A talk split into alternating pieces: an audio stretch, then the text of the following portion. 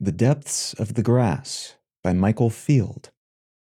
Look in the early light, down to the infinite, depths at the deep grass roots, where the sun shoots in golden veins as looking through a dear pool one sees it do, where campion drifts, its bladders iris brinded through the rifts of rising falling seed that the winds lightly scour, down to the matted earth, where over and over again crow's foot and clover and pink bindweed dimly, steadily flower.